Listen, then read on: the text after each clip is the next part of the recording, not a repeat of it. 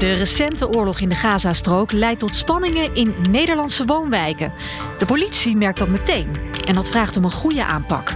De gevolgen zijn nog te overzien, hoewel het de vraag is of dat een kwestie van toeval of geluk is. Of speelt de aanpak van de politie daar een cruciale rol in? Dit is de Academie. Politiewerk in perspectief. Met Nina van den Dungen. In deze podcast praat ik met politiemensen uit de praktijk en met wetenschappers van de Politieacademie. Elke eerste maandag van de maand publiceren we weer een nieuwe aflevering. En dit is alweer nummer 24. Vandaag gaan we het hebben over het conflict in het Midden-Oosten en wat de politie doet om te voorkomen dat het hier in Nederland tot grote ongeregeldheden komt. Aan tafel heb ik weer twee gasten. Erwin Piepelenbos is hoofdhandhaven netwerken bij de politie in Amsterdam. Hij is gespecialiseerd in het contact houden met verschillende netwerken in de hoofdstad. Welkom Erwin. Ja, goedemorgen. En ook aan tafel Ronald van der Wal, wetenschappelijk onderzoeker en docent aan de Politieacademie, gespecialiseerd in spanningen tussen bevolkingsgroepen. Ja, ook welkom Ronald. Ja, dankjewel. Het is natuurlijk een emotioneel beladen onderwerp. Dat zullen jullie ook aan, ja, eh, in je dagelijks werk meemaken. Ook in deze uitzending ja, kiezen we onze woorden toch wel zorgvuldig. Wat merken jullie in je dagelijks werk, bijvoorbeeld op straat, Erwin? Op straat toch wel uh, dat wel heel erg gekeken wordt naar de politie, welke kant de politie kiest. Ja, wordt dat van jullie verwacht, een kant kiezen? Uh, nee, juist niet. Juist niet. Hmm. Hè? Dus er wordt echt wel gekeken van hoe neutraal zijn we. En geven wel voldoende vertrouwen en ruimte aan alle partijen die erbij betrokken zijn. Ja, maar ik kan me juist voorstellen dat mensen op straat wel eens vragen: ja, maar meneer, u heeft toch ook een mening of een gevoel hierover? Die hebben we zeker als politiemensen onder elkaar. Maar in, in ons werk, in, uh, waar wij voor staan, uh, als een legitieme politie voor de maatschappij, uh, komt dat niet tot uiting. Mag dat ook niet nee, tot uiting komen? Moet je neutraal zijn? Moeten we neutraal zijn? Willen moeilijk? we ook neutraal zijn? Nou ja, voor sommige mensen denk ik wel. Ja, ik bedoel, uh, we hebben allemaal een uh, eigen referentiekader, een eigen uh, diversiteit, eigen cultuur. Um, dus ik kan me wel voorstellen dat het voor mensen, voor collega's, best wel lastig kan zijn. Ja. En voor jou persoonlijk? Als... Heb jij daar wel eens moeite mee om neutraal te zijn of totaal niet? Ja, nou, ik ben wel wat dat betreft wel een, een uh, politieman in hart en nieren. Dus ik wil ook gewoon neutraal zijn. En ik, in mijn werk staat dat ook echt wel voorop voor ja. mij om neutraal te zijn. Om geen partij te kiezen. Mensen te helpen ja. uh, en begrip te hebben voor, uh, voor iedere situatie. Ja. ja. Ronald, jij werkt natuurlijk niet op straat, maar in de wetenschap. Merk jij iets van spanningen bij collega's? Nou, ook als docent, hè. Ben, ja, ben docent. ik ook actief. En ja, dan zie je natuurlijk wel dat er emoties zijn. Hè. Mensen hebben ook hun gedachten bij dit conflict. Dat zie je ook al in de klas terugkomen. Uh, maar ja, over het algemeen heb ik natuurlijk wat minder voeling met wat er op straat gebeurt dan dat uh, Erwin dat heeft. Ik maak trouwens wel deel uit van de expertisepool vanuit het netwerk Divers Vakmanschap. Mm. En we hebben dus een expertisepool Israël-Palestina. En, en daar hoor je uiteraard wel alle geluiden terug die er vanaf de straat komen. Omdat dat allemaal operationele collega's zijn over het algemeen. Dus ja, ja en dat, nou, dat, dat, dat geeft toch wel te denken, inderdaad. Ja. ja. Erwin, maak eens concreet wat je op straat zoal tegenkomt aan, aan spanningen hierover. Uh, op dit moment nou, natuurlijk heel veel pro-Palestina-uitingen, uh, demonstraties. Soms aangekondigd, maar, maar ook heel vaak ook uh, niet aangekondigd. En dan merk je toch wel dat, vooral ook bij niet aangekondigde demonstraties... dat je te maken hebt met onervaren organisatoren. Ja. en dat is dan wel prettig als mensen dan ook zeg maar, zich houden aan de kennisgevingstermijn die ja. er is. In Amsterdam is dat 24 uur van tevoren. Omdat we dan aan de voorkant afspraken kunnen maken en aan de voorkant zaken zo met elkaar kunnen regelen. Ja. Dat het uiteindelijk een goed ordelijke en verloopt. goed en veilig ja. verloopt. En dat is dus, begrijp ik van jou, niet in alle gevallen nu. Nee, dat is, in sommige gevallen is dat best wel uh, lastig. Ja. Hè? Maar zijn er echt al incidenten geweest? Er zijn geen uh, incidenten geweest die dan zeg maar zodanig geëscaleerd zijn dat het echt tot wanordelijkheden heeft uh, geleid of dat het uh, tot ernstige verstoringen heeft geleid. Nee. Maar het vraagt wel, zeker aan onze kant vanuit de politie, om op het laatste moment toch wel heel veel te organiseren. Ja. En met de aantallen die, waar we nu mee te maken hebben, ja, kost dat voor de politie veel capaciteit. Ja, dat kan ik me uh, helemaal voorstellen, ja. ja. Ik heb twee voorbeelden ook meegenomen. Um, een stukje van een pro-Israël demonstratie. Je hoort hier organisator Naomi Nestra. Het is ongelooflijk. Er is geen enkel buitenland conflict dat zoveel emoties oproept als het Israëlisch-Palestijns conflict. Het is ook een conflict wat enorm polariseert. Het is of zwart, het is of wit. Ik hoor ook heel erg van, nou, omdat wij hier vanavond zijn en stilstaan bij de slachtoffers, worden we automatisch weggezet als anti-Palestijns. Dat heeft allemaal niks met elkaar te maken. Maar waar is het begonnen? Maar waar zal het eindigen? Dat weten we niet. Dat weten we niet. Maar in ieder geval willen we hier staan om toch het Joodse volk of het Joods-Israëlische volk te ondersteunen. Moreel te steunen. Ja. Dit was een uh, pro-Israël demonstratie dus. 12 oktober werd het uitgezonden door AT5. Een paar dagen later maar was er inderdaad een pro-Palestina demonstratie. Ik ben hier naartoe gekomen om mijn stem te laten horen voor Palestina. Dat het onterecht is wat daar gebeurt. En uh, dat, dat we onze stem moeten laten horen aan iedereen. Nou, ik hoop dat Nederland kan zien uh, dat er ook een andere narratief is. Wat op het nieuws niet heel vaak gezien wordt. Je wordt geconditioneerd om de Israëlische genocide op miljoenen Palestijnen te slikken. Komt veel emotie bij kijken, hè, Erwin? Ja, ja zeker. Is het, zie je dan bij, bij uh, de groepen toch dat, dat je op een bepaald moment bang bent van oeh, gaat nu gaat het uit de hand lopen? Hè? Komen er opstootjes? Of, of is dat toch helemaal niet aan de hand? Nou, in de meeste gevallen van de demonstraties die we hebben gehad, en zeker de wat grotere demonstraties, was er toch altijd wel uh, goed contact aan de voorkant met uh, de organisatoren. Uh, we zetten ook mensen in vanuit onze netwerken. Uh, we zijn al jarenlang bezig met netwerken uh, binnen de politie Amsterdam. Mm -hmm. En we hebben gelukkig zowel aan de, aan de Joodse gemeenschap, bij de Joodse gemeenschap, als ook bij de Palestijnse moslimgemeenschap, zeg maar, goede, goede contacten. En dan kan je echt uitvragen wat er leeft in en de dan, achterban? Dan, ja, ja, zo komen we erachter van wat er leeft. Kunnen we ook zeg maar, mensen benaderen die ook binnen de gemeenschappen dan invloed kunnen uitoefenen. Denk aan een imam bijvoorbeeld? Ja, bijvoorbeeld imam. Of mensen van verschillende organisaties die dan wel vaker ook uh, demonstraties organiseren. Ja. Maar die dan binnen hun, hun eigen gemeenschap, zeg maar, dan ook wel andere mensen kennen en in contact kunnen komen. En ons dan ook in contact kunnen brengen met, uh, met andere Het is mensen. dus ook echt een netwerk. Het is echt netwerken, ja. En ik denk dat we in de afgelopen jaren dat we daar ook mee bezig zijn in Amsterdam. Hè? Met, met onze politienetwerken die we hebben nou goed in verbinding staan met, uh, met diverse gemeenschappen. En dat we daarmee ook wel het voor elkaar krijgen om uh, door goed contact aan de voorkant, voordat er een demonstratie gaat plaatsvinden, goede afspraken te maken, dat dat er wel aan bijgedragen heeft dat het minder escaleert. Ja, want je bent nog in een, gesprek met mensen, je bent letterlijk. In gesprek. Ja, ja, ja. En uiteindelijk wil je ook hetzelfde. Hè? Iemand die, uh, die organisaties die een demonstratie willen houden, hè, die willen hun mening uiten, prima. Maar die willen verder ook dat het veilig verloopt. Dat zij ook beschermd worden als demonstratie. Want dat, dat speelt natuurlijk ook mee. Hè? Ja. Ze willen demonstreren, maar hebben ook uh, uh, het recht op bescherming vanuit, vanuit de overheid en vanuit de politie. Dus ook in hun eigen belang is het, uh, is het goed om met ons in verbinding te staan en, mm -hmm. en uh, afspraken te maken. Ja.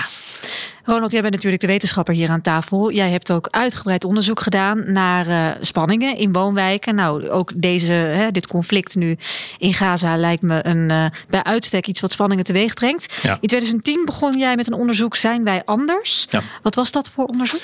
En zijn we anders was een onderzoek wat we inzetten vanwege het feit dat we zagen dat er in het buitenland vaak sprake was van langdurige uh, ongeregeldheden. Engeland, 2005 de grote Franse rel in de banlieues.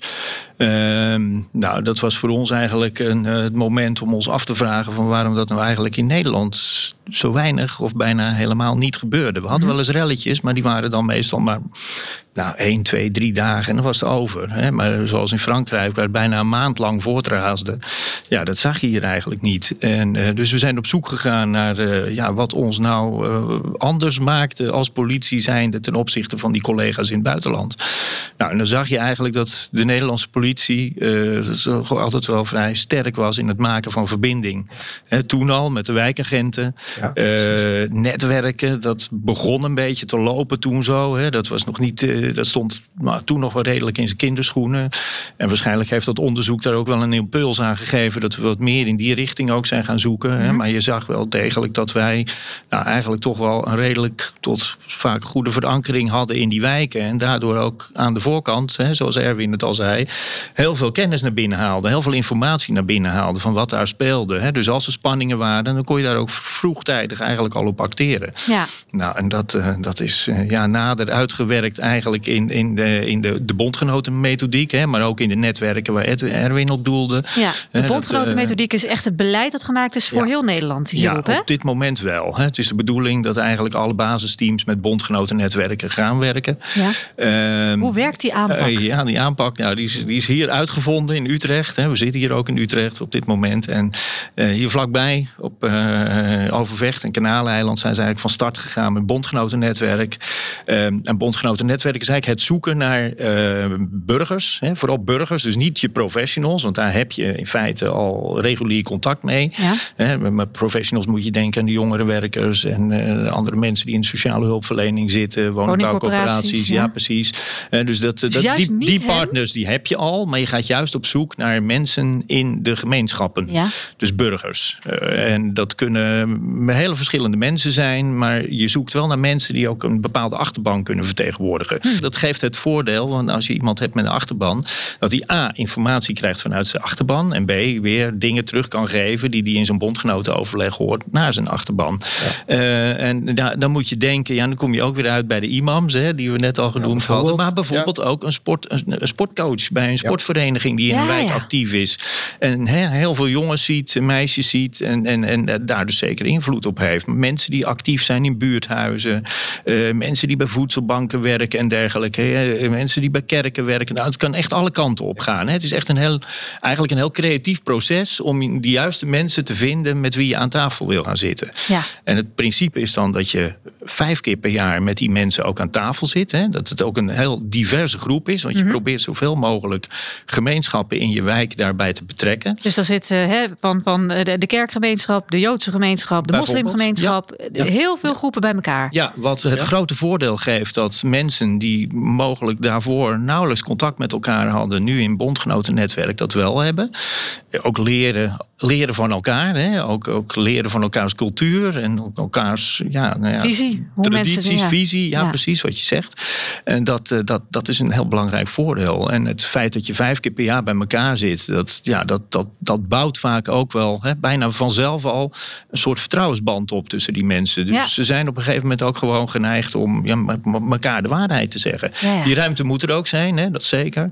En, uh, ja, en wat heel belangrijk is, is ook wederkerigheid. Hè? Dat niet alleen tussen die, tussen die mensen zelf, maar ook de politie en de gemeente. Hè, want die mogen we niet vergeten. De gemeente is een hele belangrijke partner daarin. Hè. Dus het zijn de gemeente en de politie die samen eigenlijk op zoek gaan naar die bondgenoten. En dan dus zo'n netwerk formeren. Ja. En op het moment dus dat er wat speelt, dan uh, dus naast de, de reguliere bijeenkomst, op het moment dat er wat speelt, kun je ook onmiddellijk die bondgenoten bij elkaar roepen. Maar bellen ze jou ook? Hè? Want je hebt het over wederkerigheid. Krijgen jullie ook informatie uit de groep? Of Uiteindelijk wel. Hè? Dat zal niet na twee of drie keer gebeuren. Maar op een moment dat mensen gewoon gewend zijn aan elkaar. Hè, daar komt een beetje op neer natuurlijk. Dan, uh, dan, dan, wordt dat, dan gebeurt dat ook spontaan. Ja, zeker. Hè? En dan uh, komen er ook, uh, nou ja, als er iets speelt in een wijk. Dan benaderen ze eigenlijk als vanzelf al de politie. En, of de gemeente. Hè, om aan te geven van nou, dit zou wel eens, dit zou wel eens spannend kunnen worden. Ja. En dan kan daar. je schat aan informatie dus. Waar je op kan acteren. Ja, zeker. Ja, en ik herken het helemaal wat Ronald ook aangeeft. Hè. Op, op dit moment in de situatie waar we nu in zitten, uh, werkt dat ook op die manier. Uh, in Amsterdam noemen we dat de draaiboek vrede. Op het moment dat, er, eh, dat die maatschappelijke onrust er is, dan brengen de politie uh, en de gemeente, die trekken dat samen in op. Die brengen hun contactpersonen bij elkaar. Uh, hun sleutelfiguren die dan zeg maar in de wijken aanwezig zijn. Ja. En dat geeft aan de ene kant, wederkerigheid noemt Ronald ook. Hè, aan de ene kant levert het ons informatie op. Informatie die toch vaak net even anders is of heel aanvullend is op de informatie die de Intel-organisatie uit de systemen haalt en uit de bronnen haalt die ze hebben. Zeker als het bijvoorbeeld gaat om onaangekondigde demonstraties. Ja. Die vinden ze dan niet terug op social media of binnen de bronnen van de Intel. Maar vanuit de gemeenschap waar we mee in verbinding Krijg staan, toch een seintje. krijgen we toch een seintje. Want die weten dan toch wel die mensen, die contactpersonen bij de politie of bij de gemeente, wel weer te vinden. En dat toch dan even, dan even die informatie door te geven. Ja, ja dat werkt prima. Dat werkt aanvullend. Um, op die manier wordt voor ons ook helder van wat is dan die onrust, die gevoelens, die, die emoties die leven onder de mensen. Uh, dat geeft ons een compleet beeld. En, ja. en dan, kunnen we en dan ga je vervolgens weer aan tafel zitten, als het even kan met al die partijen. Ja, aan de andere kant klinkt dat natuurlijk wel als een ontzettend softe aanpak. Hè? Kopjes thee drinken, met iedereen nou, kletsen. Ja, dat, dat, dat, is, is dat voor niet, iedere, is dat voor iedere agent weggelegd, vroeg ik me af. Dat is, nou, dat, ja, dat, nou, ik denk het wel. Ja, zeker. Ja. Ja, alleen het zijn natuurlijk niet alle agenten die aan tafel zitten daar. Nee, het is, het is de bedoeling dat het eigenlijk op teamchefniveau gebeurt. Mm -hmm. uh, we zien ook dat de operationele expert wijk vaak aan tafel zit namens de politie. En ja, goed, zijn we natuurlijk een beetje helikopterview over wat er in zo'n wijk speelt. En dat, dat zijn eigenlijk wel de mensen die, die vast als vaste partner in het overleg zitten. Want je moet ook niet te veel wisselen. Hè? Nee, je Want als je als politie, ja, precies, creëren. als we het hebben over vertrouwen, dan moet je niet elke week of elke week, elke keer iemand hebben. anders aan tafel zetten. Dat, Nee, dat, dat is, dat dat is eh, heel slecht voor de, voor de band die je dan op wil Ja. bouwen. En, en wat ik eigenlijk ook nog even toe wil voegen, hè, je moet ook niet bang zijn voor kritiek. Hè, want het kan heel goed zijn dat bondgenoten het helemaal niet eens zijn met wat jij doet in zo'n wijk. Hè, hier, in, hier in Utrecht, hier in Utrecht hebben ze tegenwoordig ook bondgenoten zijn eigenlijk onze critical friends. Een hele mooie term. Hè. Dus ja, op het moment dat er iets gebeurt in de wijk, hè, een handeling vanuit de politie die slecht valt, ja, dan moet je ook inderdaad niet, niet terugdeinzen op het moment dat er ook werkelijk eh, commentaar op wordt geleverd. Nee. En je kan, er, je kan er ook van leren. Het is ook een, een spiegel bijna. Hè. Hier zien we dat ook, dat bepaalde eh, beleidsacties die worden voorgelegd, soms vooraf, soms achteraf aan de bondgenoten. Eigenlijk om te kijken van, goh, hebben we het nou goed gedaan? Of hadden we het anders moeten doen? En had het dan een ander effect gehad? En dat is denk ik een hele mooie eh, ja, meerwaarde van zo'n bondgenotennetwerk. Ja, ja. nou eh, is het ook, hè, er gebeurt niet, niet helemaal niks. Ik denk even terug aan 2020. Eh, ik meen dat het augustus was, waarin we vol in de coronatijd zaten. Ja. Hier in Utrecht, Kanaleiland, hele fikse rellen. Het sloeg volgens mij ook over naar de Haagse Schilderswijk. Ja, ja. Nou, andersom. Amsterdam andersom. Andersom was het, van Ja. Schilderswijk Ja, naar de Kanaleiland. En, en de Ja. rel viel over het algemeen nog wel mee hier. Nou ja, ik, ik woon zelf in Utrecht en ik zat echt die avond met de nieuwsapp in mijn hand van wat, wat gebeurt daar? Het gaat helemaal los. Dus voor mij voelde dat best wel op dat moment heftig. Ja, dat snap ik. Het was even kort en hevig en, eh, en daarna was het over. Het was een oproep inderdaad naar aanleiding van de Schilderswijk. Dan hadden ze de brandkraan opengedraaid. Dat schijnen ze bij warm bier eh, ja, leuk te vinden daar. Lekker cool. Eh, ja, goed. Ja. En dan is er op een gegeven moment geen waterdruk meer. Dus het brengt allerlei, allerlei ja, complicaties met Mhm. zich mee. En hier had men het idee van dat kunnen wij wel even, nou, dat kunnen we Dat wel even. Ja, dat ja, kunnen we nog beter dan in Den Haag. En dat Maar zien jullie was een dat dan oproep Ja. voor als- een rel destijds. Zien jullie dat dan als een, ja, eerder een beetje qua jongensachtig? Als je dat vergelijkt met, met Frankrijk, hè? Die, die rellen in de Eh, banlieues. Ja, maar ook daar, hè, net als, als, als wat nu ook speelt hè, in die periode. Want je noemt het ook in die coronatijd. Hè, zeker toen die, toen die eh, avondklok eh, zeg maar, eh, ingesteld werd. Hadden we in een aantal wijken in Amsterdam ook wel. eh, eh, nou ja, dat er onrust was. Dat het eh, op rellen uit zou kunnen draaien. Maar ook daar, hè, door inzet van, van de mensen die eh, dan eigenlijk ook heel betrokken zijn bij de wijk. Waar ze wonen. Waar ze werken, waar ze recreëren. Hè, door inzet van eh, het netwerk de buurtvaders, de buurtmoeders, de jeugdwerkers die daar actief zijn, die de jeugd kennen, hebben we wel wat, wat, wat, wat eh, eh, nou ja, relachtige situaties gehad. Hè? Maar kon je dan toch met, met, samen met elkaar dan toch op een gegeven moment die rust wel weer terugkrijgen Ja. in, eh, in de Jij denkt dat het deescalerend heeft gewerkt, die netwerken Ja, zeker. Ja, maar wat wel belangrijk is, dat de lokale politie de, van, vanuit de wijkteams en met name de wijkagenten, die hebben die goede contacten. Dus we moeten die mensen dan ook op het moment dat daar geïnterveneerd wordt, juist ook die mensen aan, zet, eh, aan de stuur laten. Ja. In de zin van dat wat ze opgebouwd hebben in de, in de periode voorafgaand, eh, in, in, eh, in, aan netwerken, aan goede contacten, dat we daar ook zorgvuldig mee omgaan. Ja. En niet de ME erin gooien en alles zeg maar.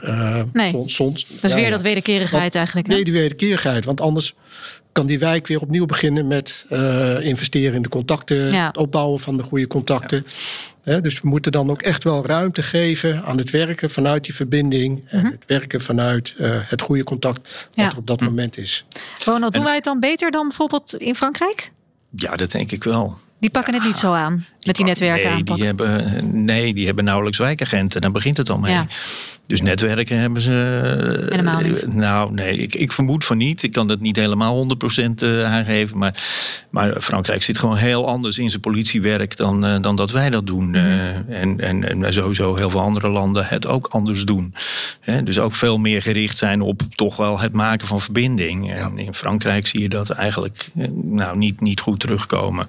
Nou en daar zie je ook de dagelijkse uh, gevolgen zie je daarvan. Enorme criminaliteit in de wijken. Politie die totaal geen zicht meer heeft op wat daar allemaal gebeurt. Nee. Geen informatie binnenkrijgt. En, uh, ja, nou, dat, Andere orde. ja, en, Ja. En, en, en ja, de manier waarop ze die wijken ingaan is met ordepolitie en met eh, ja, de brigade anticrimineel, zoals ze dat noemen.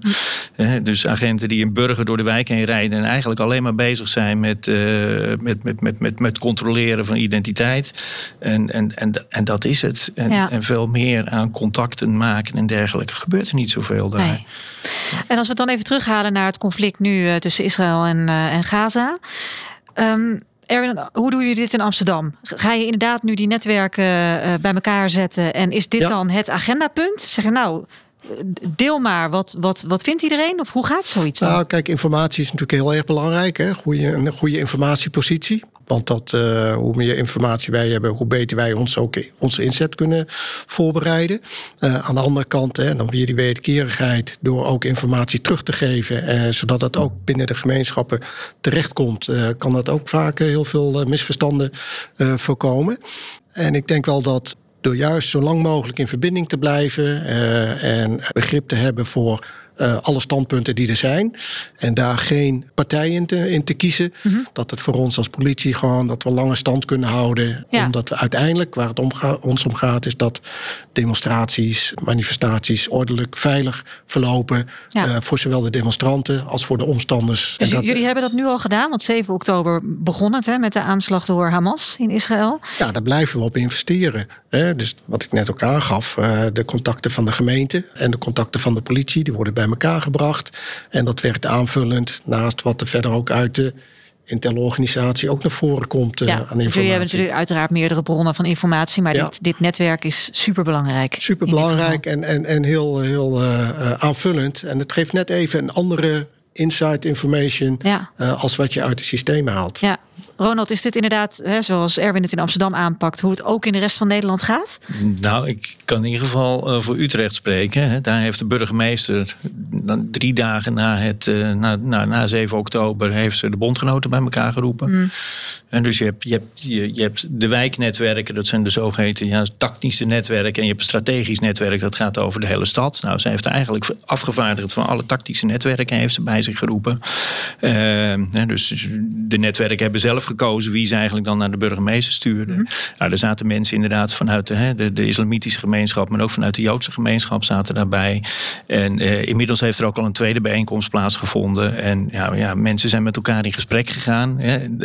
Is eigenlijk het beste wat je kunt doen, hè, met elkaar in gesprek gaan. Ja. Ook andere standpunten aanhoren en, en kijken of je hè, er toch met een, ja, of je gezamenlijk ergens een weg kunt vinden hè, waar, je, waar je vreedzaam met elkaar verder kunt. eh. en, eh, en dat is dus hier al twee keer gebeurd. En ik weet ook wel, af. ja, ik weet ook wel in Ja. andere, andere gebieden waar men al met bondgenoten werkt, dat daar ook eh, overleggen hebben plaatsgevonden om toch te kijken Tot naar wat er op dit moment speelt. Ja. Je hoort natuurlijk wel dat de politiecapaciteit onder druk staat. Hè? Ook bij de politie is een groot personeelstekort. Wat betekent dat voor deze aanpak, eh, Ronald? Nou, je ziet natuurlijk wel dat eh, de wijkagent momenteel aardig eh, in de verdrukking eh, eh, lijkt te raken. hè. Er zijn echt eh, eh, wijkagenten die eh, een groot deel van hun tijd die ze normaal in de wijk door moeten brengen, inmiddels eh, ja, die worden op andere diensten ingezet.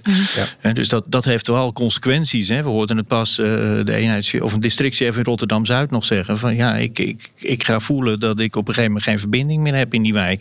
Hè, dat mijn informatiepositie onder druk komt te staan. Ja. Nou ja, goed, bondgenoten, hè, dat, is een heel mooi middel om, om, om wel die informatie binnen te halen.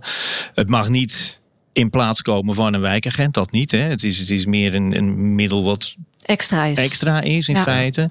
Ja, en de investering die je daarin doet, hè, vijf keer per jaar bij elkaar, ja, die betaalt zichzelf wel, eh, denk ik, heel goed terug. Eh, het werkt. Het wer- een netwerk Ja, werkt, ja, zonder ja. meer. Nou ja, zeker, zeker ook met betrekking tot die capaciteit eh, eh, en, en de inzet van je, van je personeel op een demonstratie.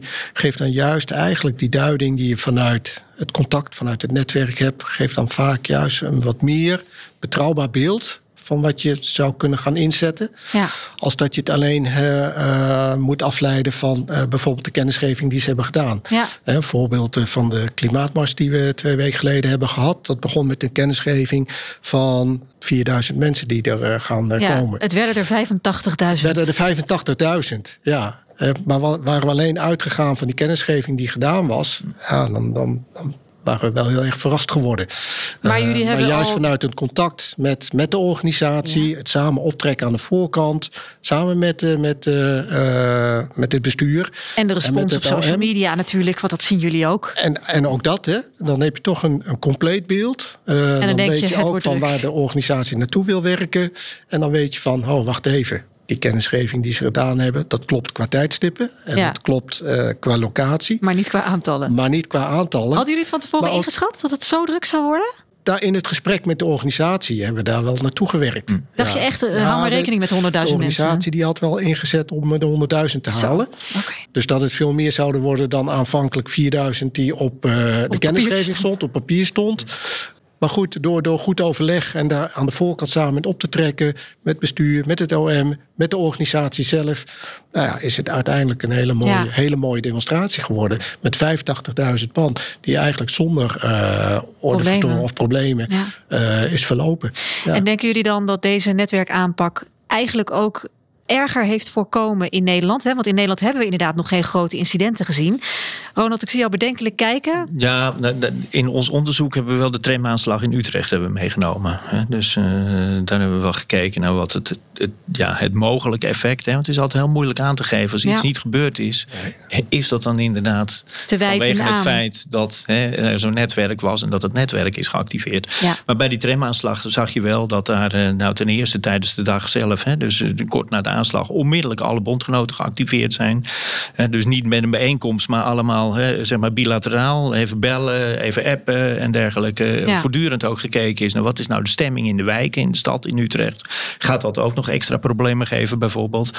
Nou, dat, eh, hè, eigenlijk werd de politie van begin af aan gerustgesteld dat mensen vonden het allemaal wel heel spannend wat er allemaal gebeurde. Maar hè, er was geen kans op, eh, op, op, op, op, op grotere ellende. En achteraf zie je ook dat in het verwerken van de emotie van zo'n aanslag, hè, want dat was natuurlijk toch wel wat wat Ja. hier gebeurde, hè, dat ook die bondgenoten een hele belangrijke rol hebben gespeeld. Onder Ja. andere bij de Stille Tocht en een, een, een voetbalwedstrijd die is bijgewoond in het eh, FC Utrecht Stadion. Hè. Dus dat heeft ook op de lange duur heeft dat gezorgd ook om de band tussen de verschillende gemeenschappen te verstevigen. Ja, dat denk jij ook, Ja. Erwin. Het helpt Ja. zeker. Zeker, zeker. Ja, het lost niet alles op. Het is geen garantie van dat het eh, daarmee eh, rustig eh, en ordelijk gaat verlopen.